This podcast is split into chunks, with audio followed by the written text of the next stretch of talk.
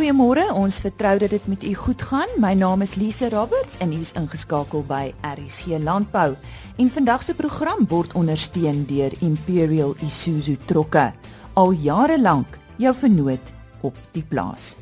Dis donderdagoggend en dit beteken weer waarhede saam met Johan van der Berg. En hy gesels ook met dokter Flippie Kloete. En die vraag wat hy aan hom stel is: kan die opbrengs uit wild vergelyk word met die aandelebeurs. Dr Dani Odendaal fokus ver oggend op insekoordraagbare virus siektes. En ons kaasfees bydra vir oggend is so ietsie van 'n ander aard. Nie kaas nie, nie wyn nie, nie vrugte nie, maar wel 'n gesogte Franse lekkerny. Eend. Ek gesels met Leon Groeneveld van The Duck Farm.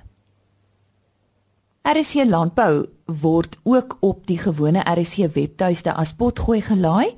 Soek net onder potgooi vir RSC Landbou op die webtuiste www.rsg.co.za. En dan word ons onderhoude ook apart gelaai op 'n ander webtuiste www.agriorbit.com.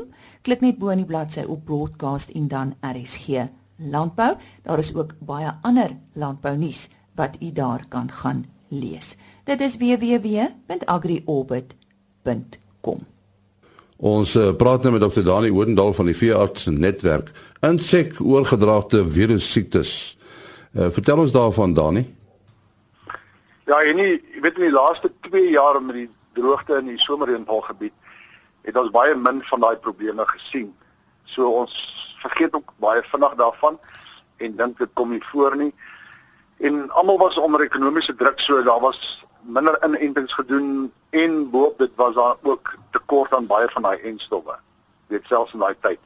So wat hierdie jaar gebeur het met die goeie reën, het ons ongelooflike groot uitbreke gehad in die Vrystaat, uh Noordwes, Limpopo. Eindelik die hele somerreënvalgebied. Die uitsondering was deel van die Oos-Kaap en die Wes-Kaap waar dit minder was en ons verwag dat dit daar gaan voorkom as dit wel begin reën. En hoofsaaklik in beeste knoopvel siekte, uh baie baie baie groot probleem. En ons het ook in melkbeeste uh veral in Natalse Midlande drie dae stywe siekte ondervind as 'n groot probleem wat in in vleisbeeste weet die bees gaan lê net en hy kom weer reg so na 3 dae en dis koel dit 3 dae stywe siekte noem. Maar daar het hulle selfs fractures gehad uh en in melkbeeste baie groot probleem omdat hulle ophou melk produseer uh, moontlik vir hele laktasie as hulle aangetast is. En dan aan die aan die skaapkant blou tong reg deur die somerreënvalgebied. Baie groot probleem. Nou al al hierdie virus siektes is 'n groot welsynsprobleem want daar's geen primêre behandeling nie. Uh dit beteken as die dier aangetast is deur die virus kan jy nou maar 'n bietjie anti-inflammatories gee en uh, middels en jy kan antibiotika gee dat dan nie sekondêre bakteriese infeksie is nie. Maar die virus kan jy niks doen nie. Die die ongelukkigheid of die voordeel daarvan is jy kan dit stop met inenting. Dis dis al wat gedoen kan word. En dit is waar ons as uh, Fiat netwerk hierdie jaar 'n baie groot kampanje wil loods om seker te maak dat ons tydens hierdie winter wat voorlê. Boere inlig. Ons wil hê boere moet uh, getalle bymekaar maak en sê hoeveel beeste moet ek uh, knopvel siekte inent aan die skaapkant, hoeveel bloutong moet gedoen word. En ons wil tydens Mei en Junie daai getalle uh deurkry vanaf die vanaf die boere na die veeartse toe. En dan as veearts netwerk wil ons daai getalle bymekaar sit in Julie sodat ons na die enstofvervaardigers toe kan gaan en sê luister, dis hoeveel enstof ons van hierdie spesifieke vir hierdie spesifieke siektes nodig het. Uh sodat ons nie weer in 'n situasie beland wat ons wanneer die enstof nodig is en dit is in Julie en Augustus moet daar geënt word dat daar nie enstof is nie en dan weer laat en wanneer daar eers uitbreke is. Uh so dit gaan 'n baie baie spesifieke aksie wees. Uh ons as veearts het ons kongres die einde van Mei die die herkouer veterinêre vereniging waar ons dit verder gaan bespreek met uh veearts netwerk gaan dit dryf en hierdie beplanning uh, is 'n baie eenvoudige oefening Maar as ons dit een keer reg gekry het, as ons dit hierdie jaar kan regkry, moet ons dit volgende jaar net herhaal en elke jaar herhaal. Daarna kan ons kyk na die ander inentings wat noodsaaklik is, uh wat ook baie keer agterweë bly. Maar die maar die beginpunt is hierdie insekoogdraagte siektes omdat dit so groot krisis was hierdie jaar. En jy sê die Kaap kan dalk nog deurloop, bedank af hoeveel dit reën. Kyk, dis die Kaap is 'n winterreënvalgebied. Uh ons monitor ons nou op 'n maandelikse basis die voorkoms van die siektes. So ons kan baie duidelik sien in die Kaap dat daar nog niks gebeur nie want is afhanklik van die reënval voor die insekte kan uitbroei en en, en vermeerder. Ons sê baie dankie aan uh, Dr. Dani Woodendal, soos jy gehoor het, hy is van Veeart netwerk. Dankie Henny en nou ons volgende in die reeks oor weerwaarhede met Henny Maas en Johan van der Berg. Weerwaarhede saam met Johan van der Berg.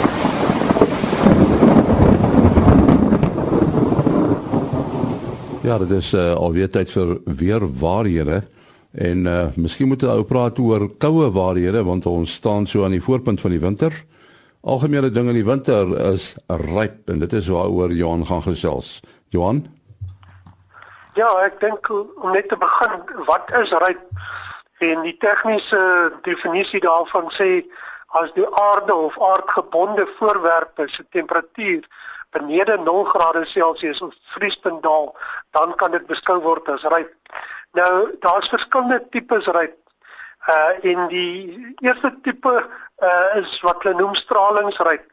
Nou dit kom voor op stil oop nagte. Uh daar's nie vog in die atmosfeer nie en daar's nie wind nie. So die energie wat in die grond opgegaar is, word uitgestraal na die oppervlakte uh of na die na die atmosfeer en dit koel dan die oppervlakte en die aarde se of die, die aardgebonde voorwerpe af. So daar's geen kombers van vog wat 'n bietjie kan keer dat hierdie uitstraling uh, minder is nie en dit sien ons dan tipies uh die in die binneland uh wanneer dit baie stil is dat ons hierdie tipe van ryp kry. Nou die ander hooftipe van ryp is die sogenaamde adveksie of wind uh, ryp wat met wind gepaard gaan.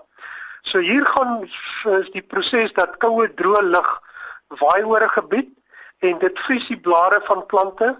So daar's eintlik niks sigbaar nie, maar die temperatuur is benede uh vriespunt. Nou net om weer terug te gaan, ons het gesê die twee hooftipes is stralingsryp en adveksieryp, maar onder stralingsryp is daar ook twee tipes. Die sogenaamde witryp en dan ook die swartryp. Die witryp sien ons as kristalle wat gevorm word en dit gebeur as daar genoeg vog in die lug is uh dat hierdie druppels dan op die blare kom en dit vries en dit vorm vir ons dan hierdie wit amper sneeu wat 'n mens baie keer kry. So dis die sogenaamde witryp. Dan die ander een is die swartryp. Dit is as die lug baie droog is, plante vries want dit kom onder vriespunt, maar die vog is te min om kristalle op die blare te vorm. So ons sien dit nie al wat ons sien die blare begin uh, as die son begin warm word, begin uh, swart word of donker word en dit groot skade gekry. So dis die twee groot tipes ryp en dan wit en swart ryp. As jy mens net 'n bietjie interessantheid sal wat na stralingsryp gaan kyk. Daar's 'n groot gradiënt of verskil in die lig uh wat die temperature betref. En ons het dit al gemeet dat 'n mens 5-6 grade Celsius uh temperatuurverskil kry tussen dit wat op die grondoppervlakte gemeet word en wat so op 'n meter na 1.2 meter hoog gemeet word. So binne 'n meter of 2 1.2 meter uh kry ons dan hierdie groot verskille in temperatuur. Uh die 1.2 meter noem ons uh die standaard hoogte en dit is waar as ons temperature sien wat gemeld word, dan word dit op 1.2 meter hoogte gedoen. So as die temperatuur byvoorbeeld 5 grade is op 1.2 meter en dis 'n baie stil nag, kan dit so laag as 0 grade daal op die oppervlakte dan self. Uh dis is dit baie kouer baie keer as wat die voorspelling is en kry ons dan op die oppervlakte groter skade as wat ons dink. Dan 'n bietjie adveksie ryp Uh interessant daar gaan ook oor die aanvoelbare temperatuur en dit word verhoog deur windbeweging. Nou aanvoelbare temperatuur is 'n term wat hoofsaaklik vir die mense en die dier daar gestel is. Maar wat van plante? En dit is nog onseker, maar uh die plante moet ook 'n mate van uh aanvoelbare temperatuur laat verlaag as of verlaat verlaagde temperatuur kry as die wind daaroor waai want die plante transpireer dit verloor tog nog vog en dan kry ons hierdie amper 'n watersak effek uh wat wat afkoeling veroorsaak. Nou waar is die grootste bereik voorkoms in Suid-Afrika? En as ons daarvan praat, dan praat ons hoofsaaklik van die stralingsryp. Nou dit gebeur op die Hoëveld, so dis redelik hoog bo seespieël, maar interessant is dat dit hoofsaaklik voorkom in sogenaamde rypholtes. So dis hoog bo seevlak, maar omdat kouer lug swaarder is as warm lug, uh, vloei dit amper soos water. So die die sogenaamde frost holes of uh, rypholtes uh, kom dan voor. Uh dit is ook hierdie gebiede waar die lug baie droog is in die winter. Uh in die see waar daar redelik energie van die see se kant af kom, ryp dit nie so baie of ryp dit nie sommer nie. So hierdie kombinasie van 'n uh, hoogte bo seespieël, dan laer die sogenaamde rypholtes en droë lug, uh, dit veroorsaak dan vir ons baie koue toestande en ryp. En die laagste temperature wat in Suid-Afrika gemeet is of gemeet word is dan tipies ook waar hierdie voor toestande voorkom. Uh byvoorbeeld die laagste temperatuur wat gemeet is was hier in die Oos-Kaap uh en dit is daar rondom Altino die omgewing en dit is waar hierdie toestande dan op sy gunstigste is uh vir baie lae temperature en baie sterk uh, ryp voorkoms. Daar sê Jan van der Berg van Santom Landbou, ons uh, gaan voort met te gesels oor oor 'n ryp en ons gaan uh, volgende week praat oor 'n ryp bestryding. Nou eers landbou nuus. SA Stamboek het bekend gemaak dat sy hoofbestuurder Dr Peer van Rooyen na byna 19 jaar op 30 Junie sal aftree. Dr van Rooyen het reeds in Mei 2014 amptelike aftreeouderdom bereik, maar die raad het sy voortgesette dienste daarna op 'n jaarlikse basis bekom. Hy sal steeds as strategiese raadgewer vir SA Stamboek beskikbaar wees. Dr Japie van der Westhuizen, tans afdelingsbestuurder vir produksie aantekening, sal vanaf 1 Julie vanjaar as waarnemende hoofbestuurder optree. SA Stamboek se senior genetikus, Dr Bobby van der Westhuizen, word vanaf 1 Julie bevorder tot waarnemende afdelingsbestuurder van produksieaantekening in Dr van der Westhuizen se plek. RC Landbou het onlangs by die Onderste Poort Akademiese Hospitaal se voel en eksotiese dierekliniek 'n draai gemaak om waar te neem hoe die vlerk van 'n aasvoël geamputeer word. Die aasvoël is na die kliniek gebring deur Walprou Aasvoël Rehabilitasiesentrum naby die Hartbeespoort omgewing, die enigste van sy soort in Afrika. Die aasvoël wat onder die mes gekom het, is deur Walprou gered nadat hy in die Lichtenburg omgewing in 'n kragdraad vasgevlieg het. Daar is eers tyd gegee om te sien of die breek in die vlerk nie sal genees nie. Maar dit was van so 'n aard dat 'n amputasie 'n baie beter moontlikheid is. Marike Brits gesels eerstens met Shanay Wilhelmi van Walprou. Uh, wat ons vandag hierso gedoen het is ons het een van ons kraans asvos ingebring. Uh, ons het 'n oproep se maand terug gekry van Lichtenburg af dat iemand 'n asvol gekry het wat beseer was. Ons het deur gegaan, ons het die voël gaan haal en ongelukkig het hy 'n baie slegte breek in sy vlerk gehad.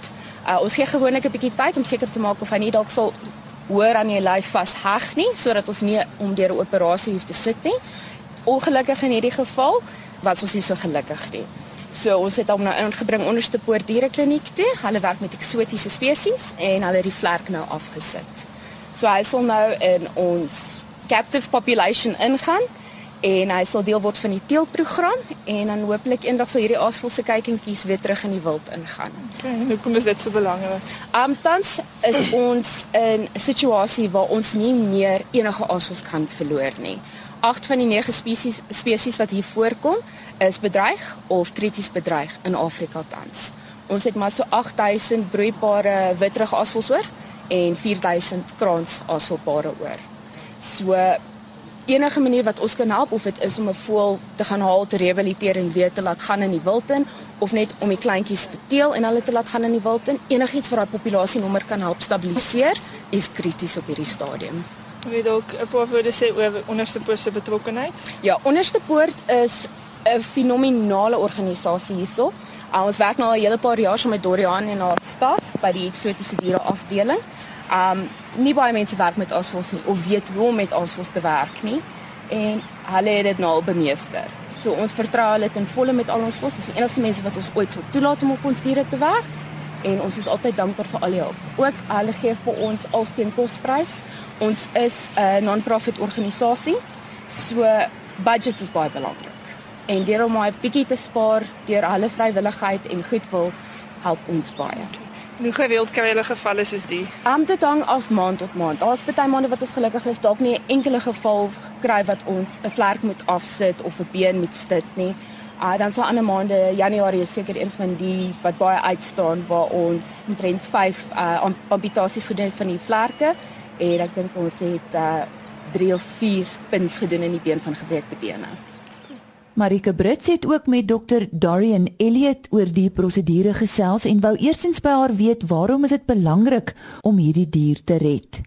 Aasvoëls is baie erg bedreig en aan baie van hulle kry seer as hulle in drade of in kragpale en dit aanvlieg.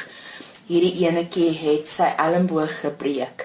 So dit was vir hom baie seer want die vlerk het gesleep voëls wat nie weer losgelaat kan word nie is nog steeds uiters belangrik vir die spesies want wat hulle doen is hulle hou hulle by Walpro en hulle laat hulle dan eiers lê en babatjies grootmaak en daai babatjies word weer in die natuur ingesit. So ons het die vlerk afgesit om haar gemaklik te hou. Ehm um, affekteer die vlerk hulle hulle broei broeipatrone? Hulle het spesiale hokke in Walpro waar hulle um geskik is vir die voëls om nog steeds nes te maak en alles selfs sonder die vlek. Wat is die verwagting vir die voël verder? Hoe hoe lank voor sy hy herstel en so? Hulle is baie sterk voëls. Um gewoonlik begin hulle dieselfde dag eet en alles en die wond vat nou omtrent so 3 weke voordat hy heeltemal gesond is. Okay. En tydens die operasie, wat sien die grootste risiko as iets fout gaan? Daar's twee groot risiko's gedurende operasie op enige eksotiese dier. Um met die aasvoëls is die eerste risiko laat hulle moontlik tydens die chirurgie gaan bloei. So ons baie versigtig werk. En die tweede een is um te doen met die narkose. 'n Mens moet so vinnig as moontlik werk om jou operasietyd en jou narkose tyd so kort as moontlik te maak. Net om af te sluit as ek kry en ek vind 'n osvol wat beseer is en hulle draad vasgevlieg het, wat moet ek doen? Die beste gaan wees om onmiddellik vir Walpraat te kontak. Hulle is op Facebook, hulle is op die internet. Um dis V U L P R O en hulle sal onmiddellik 'n plan maak om die ding te kom haal. Okay. En sal hulle ook kan adviseer wat om te doen tot hulle daar kom. Absoluut, ja. Okay. En ons sê baie dankie aan Marike Brits wat vir ons daardie bydrae gestuur het. Ek het tydens die Kaasfees daar op Sandringham vir Leon Groeneveld raak geloop.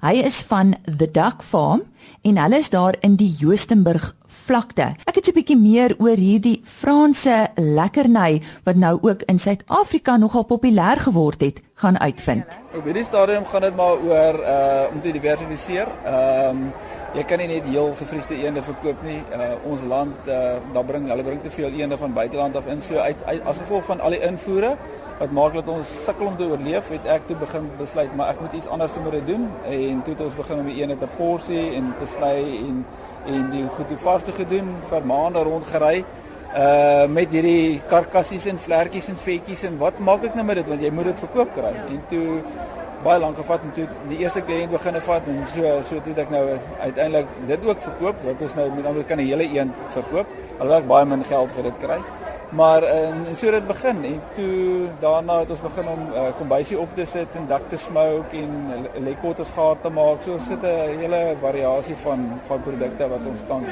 bied aan die mark. Ons en, doen en word dit hoofsaaklik op die plaas verkoop of of waar? Nee nee nee nee, ons is in uh, ons doen dit in Pick n Pay en Checkers uh in die sparre. Ehm um, en dan natuurlik baie van hierdie restaurante koop ons produk as hulle nie die ingevoerde produkte koop nie, want dit gaan maar oor prys. En nou uh, op hierdie stadium is dit uh, moeilik om ons as pryskompeterend te hou ehm um, met uh, met die ingevoerde mark want hulle verkoop dit baie baie goedkoper. Ja, ek het toevallig nou net met uh, die minister van landbou in die Wes-Kaap, Ellen Windy gepraat yes. oor agri processing ja. en dit is eintlik presies waarmee jy besig is. Ja. Was dit iets waaroor jy kennis gehad het? Moes jy jouself leer? Vertel ons bietjie. Kennis gehad nie. Ek uh, ek het siviel ingenieurswese geswat as 'n jong man en toe op 27 het ek besluit maar nee, ek gaan uh, in versekerings, dis 'n 20 jaar 'n makelaar gewees met al my professionele kliënte en ek het net die professionele mark gedoen, dokters en ouditeure en besigheidsmense. En toe sou ons op 'n stadium toe besluit ek ek wil graag in die boerdery en toe verkoop ek daai praktyk en toe gaan koop ek die ene plaas. Nadat ek nou 'n bietjie rondgekyk het in die Kaap, maar dit die wynplase en al die ander plase was te duur. Toe sien ek geleentheid en toe het ek nou besluit okay, kom ons begin die een ding. Niks van dit geweet nie, net 'n hart vir dit gehad, baie idees.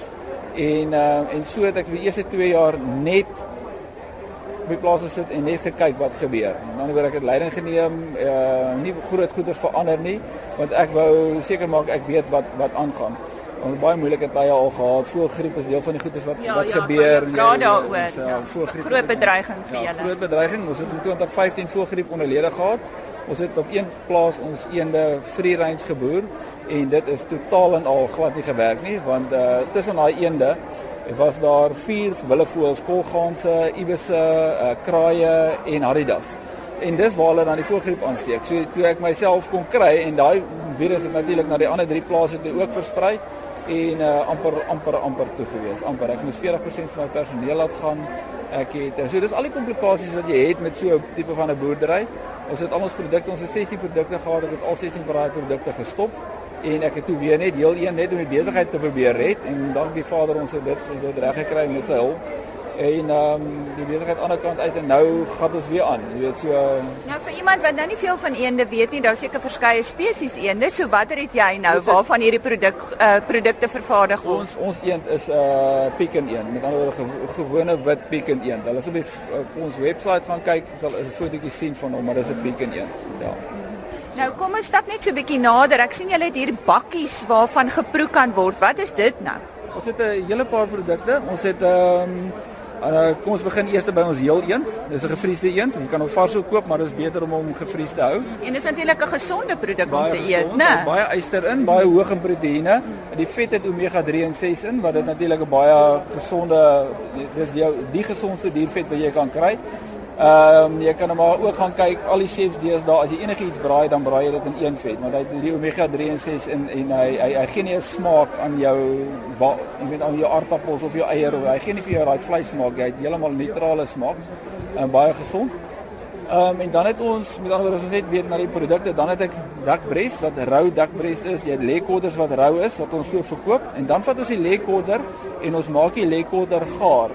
Ehm um, hier na hier in 15 minute, hier in 20 minute in 'n oond met 'n Thai sweet chili en 'n honey mustard. So dis een produk wat klaar gaar is, 4 minute in 'n mikrogolf en dan kan jy jou gesin eet. Dan het ons confit en confit is 'n produk, is 'n Franse produk wat al oor die 300 ja. jaar al oud is. Ons het hom gemaak en van die top restaurante in ons land koop ons produk en dit is regtig 'n fenominale produk. Jy sit hom in die oond, maak hom warm, grill hom en dan maak jy 'n sousie wat nou eintlik 'n lekker sous is, soos enigiets wat vrugte is en dan komplementeer dit die een. Ehm um, en dan het ons ons uh, topproduk is ons gerookte eendborsies en dit is ongelooflik jy kan nou van dit gaan proe. So en dan het ons dakvet en dan ons lewertjies wat ons doen en dan dakeiers in 'n baie klein fyn mate. En dit was dan Leon Groeneveld van The Duck Farm. Nou nuus oor eiers. Die afgelope jaar was 'n uitdagende jaar vir plaaslike eierprodusente. Volgens die Suid-Afrikaanse Pluimveevereniging het die droogte aansienlike verhogings in voerpryse meegebring, terwyl die prys van eiers gedaal het weens 'n ooraanbod in die mark. Talle eierprodusente kon nie van die impak van hoër voerpryse herstel nie en heelwat kleiner boere moes die bedryf verlaat. Veral boere wat met tussen 5000 en 40000 lê-henne boer is geaffekteer. Die gevolg van die daling in produsentengetalle is 'n huidige tekort aan eiers. Eierpryse sal na verwagting ook styg en verbruikers kan hulle regmaak vir verhogings van tussen 7 en 8%. Volgens die vereniging sal die tekorte en prysverhogings oor die mediumtermyn voortduur ten minste tot laat in 2017. Ons uh, gaan nou 'n bietjie gesels oor oor wat as 'n beleggingsopsie. En ons uh, praat met Dr. Flippy Kloete. Hy's 'n landbouekonoom by die Universiteit van die Vrystaat. Nou as uh, het al baie gepraat oor oor wild as 'n belegging. Uh, as 'n mens nou die opbrengste van wild vergelyk met met aandele, kan kan 'n mens dit so doen, Flippy? Ek dink mense mense mens kan dit verseker so doen, mits jy die regte benadering volg. As ons kyk in die verlede het ehm um, het ons gesien dat baie ouens opbrengste van wild direk vergelyk moet met met met die aandelebeurs deur gebruik te maak van 'n sogenaamde return on investment benadering wat my siens nie noodwendig die regte benadering is om te volg as jy direk word vergelyk nie. So dis nie eintlik vergelykbaar nie. Dit is vergelykbaar, maar dan moet jy die regte benadering volg. So, ehm um, as jy gaan kyk na na wild byvoorbeeld of as jy gaan kyk eerder kom ons begin by aandele. As ons praat oor aandele, dan verskil die eienskappe van 'n aandeel teen opsigte van wild. Met byvoorbeeld as ons um, met aandele sit jy met oorspronklike kapitaal uitleg, maar jy sit nie met produksiekoste nie. Aan die ander kant as ons gaan kyk na wild, sit ons met met die oorspronklike kapitaal uitleg in terme van die van die koop van die diere. Maar as jy ook met produksiekoste vir daai tydperk tot jy in produksie kom, nou afhangende van die spesies, kan dit van enigiets van 3 tot 5 jaar wees. So jy korte metode om daai kom ons noem dit negatiewe kapitaalvloeye wat ek in die oorspronklike aantal jare gaan hê in ag te neem wanneer ek aandele met met wild vergelyk. So genoem het omdat die omdat die eienskappe van die twee beleggingsopsies verskil van mekaar. So my siens, as jy dit met mekaar wil vergelyk, moet jy eerder 'n metode gebruik soos 'n internal rate of return as 'n return on investment. Want jou internal rate of return laat jou toe om daai negatiewe kontantvloei vir die eerste paar jaar wat jy met wild gaan realiseer, ehm um, in ag te neem en dit maak dan direk vergelykbaar met aandele. Is dit dan wat die meeste wildboere doen? die die meeste wildboere in die verlede en as jy gaan kyk na dit wat gepubliseer is in in, in die populêre media het 'n sogenaamde return on investment benadering gebruik. So so wat hulle gedoen het of wat baie ouens gedoen het is om te gaan kyk na die opbrengste van wild in die jaar wat jy reeds 'n positiewe kontantvloei realiseer. Dit sê jaar 3 of jaar 5 na vestiging van die kudde en dit dan gaan vergelyk met aandele wat my siens nie direk vergelykbaar is met mekaar nie. En, en die berekening van hierdie metode, uh, is dit uh, ingewikkeld? Ehm um, dit is basies dieselfde as return on investment. Die enigste verskil tussen die twee is jou return on investment kyk na die opbrengste in 'n bepaalde jaar, waar jou internal rate of return kyk na opbrengste oor 'n bepaalde periode of tydperk. Vanuit 'n aanname perspektief moet jy dieselfde tipe aannames volg. Jy moet nog steeds gaan kyk na na verwagte pryse. Jy moet nog steeds gaan kyk na jou produksiekoste om op beide gevalle by 'n marge bo veranderlike koste of 'n nette kontantvloei uit te kom. So dis nie so seer moeiliker nie. Ek dink die groot verskil is net een kyk in 'n bepaalde jaar en die ander een kyk oor 'n bepaalde periode. Ja, ons sê baie dankie aan dokter Flippy Kloete, hy's 'n landbouekonoom aan die Universiteit van die Vrystaat. En dis dan ons program vir vandag. Chris Viljoen môreoggend om kwart voor 5 en Saterdag om kwart voor 12 terug met nog 'n RC landbouprogram. Ek is weer 05:30 maandagooggend op my pos. Daar is nog 2 dae van Nampo oor. Onthou die hekke open om 7uur en sluit om 5uur en indien jy op pad is, ry veilig. Vandag se program is ondersteun deur Imperial Isuzu trokke. Al jare lank jou vernoot op die plaas. RSG Landbou is 'n produksie van Blast Publishing. Produksieregisseur Henny Maas. Aanbieding Lisa Roberts en 'n notas koördineerder Jolande Rooi.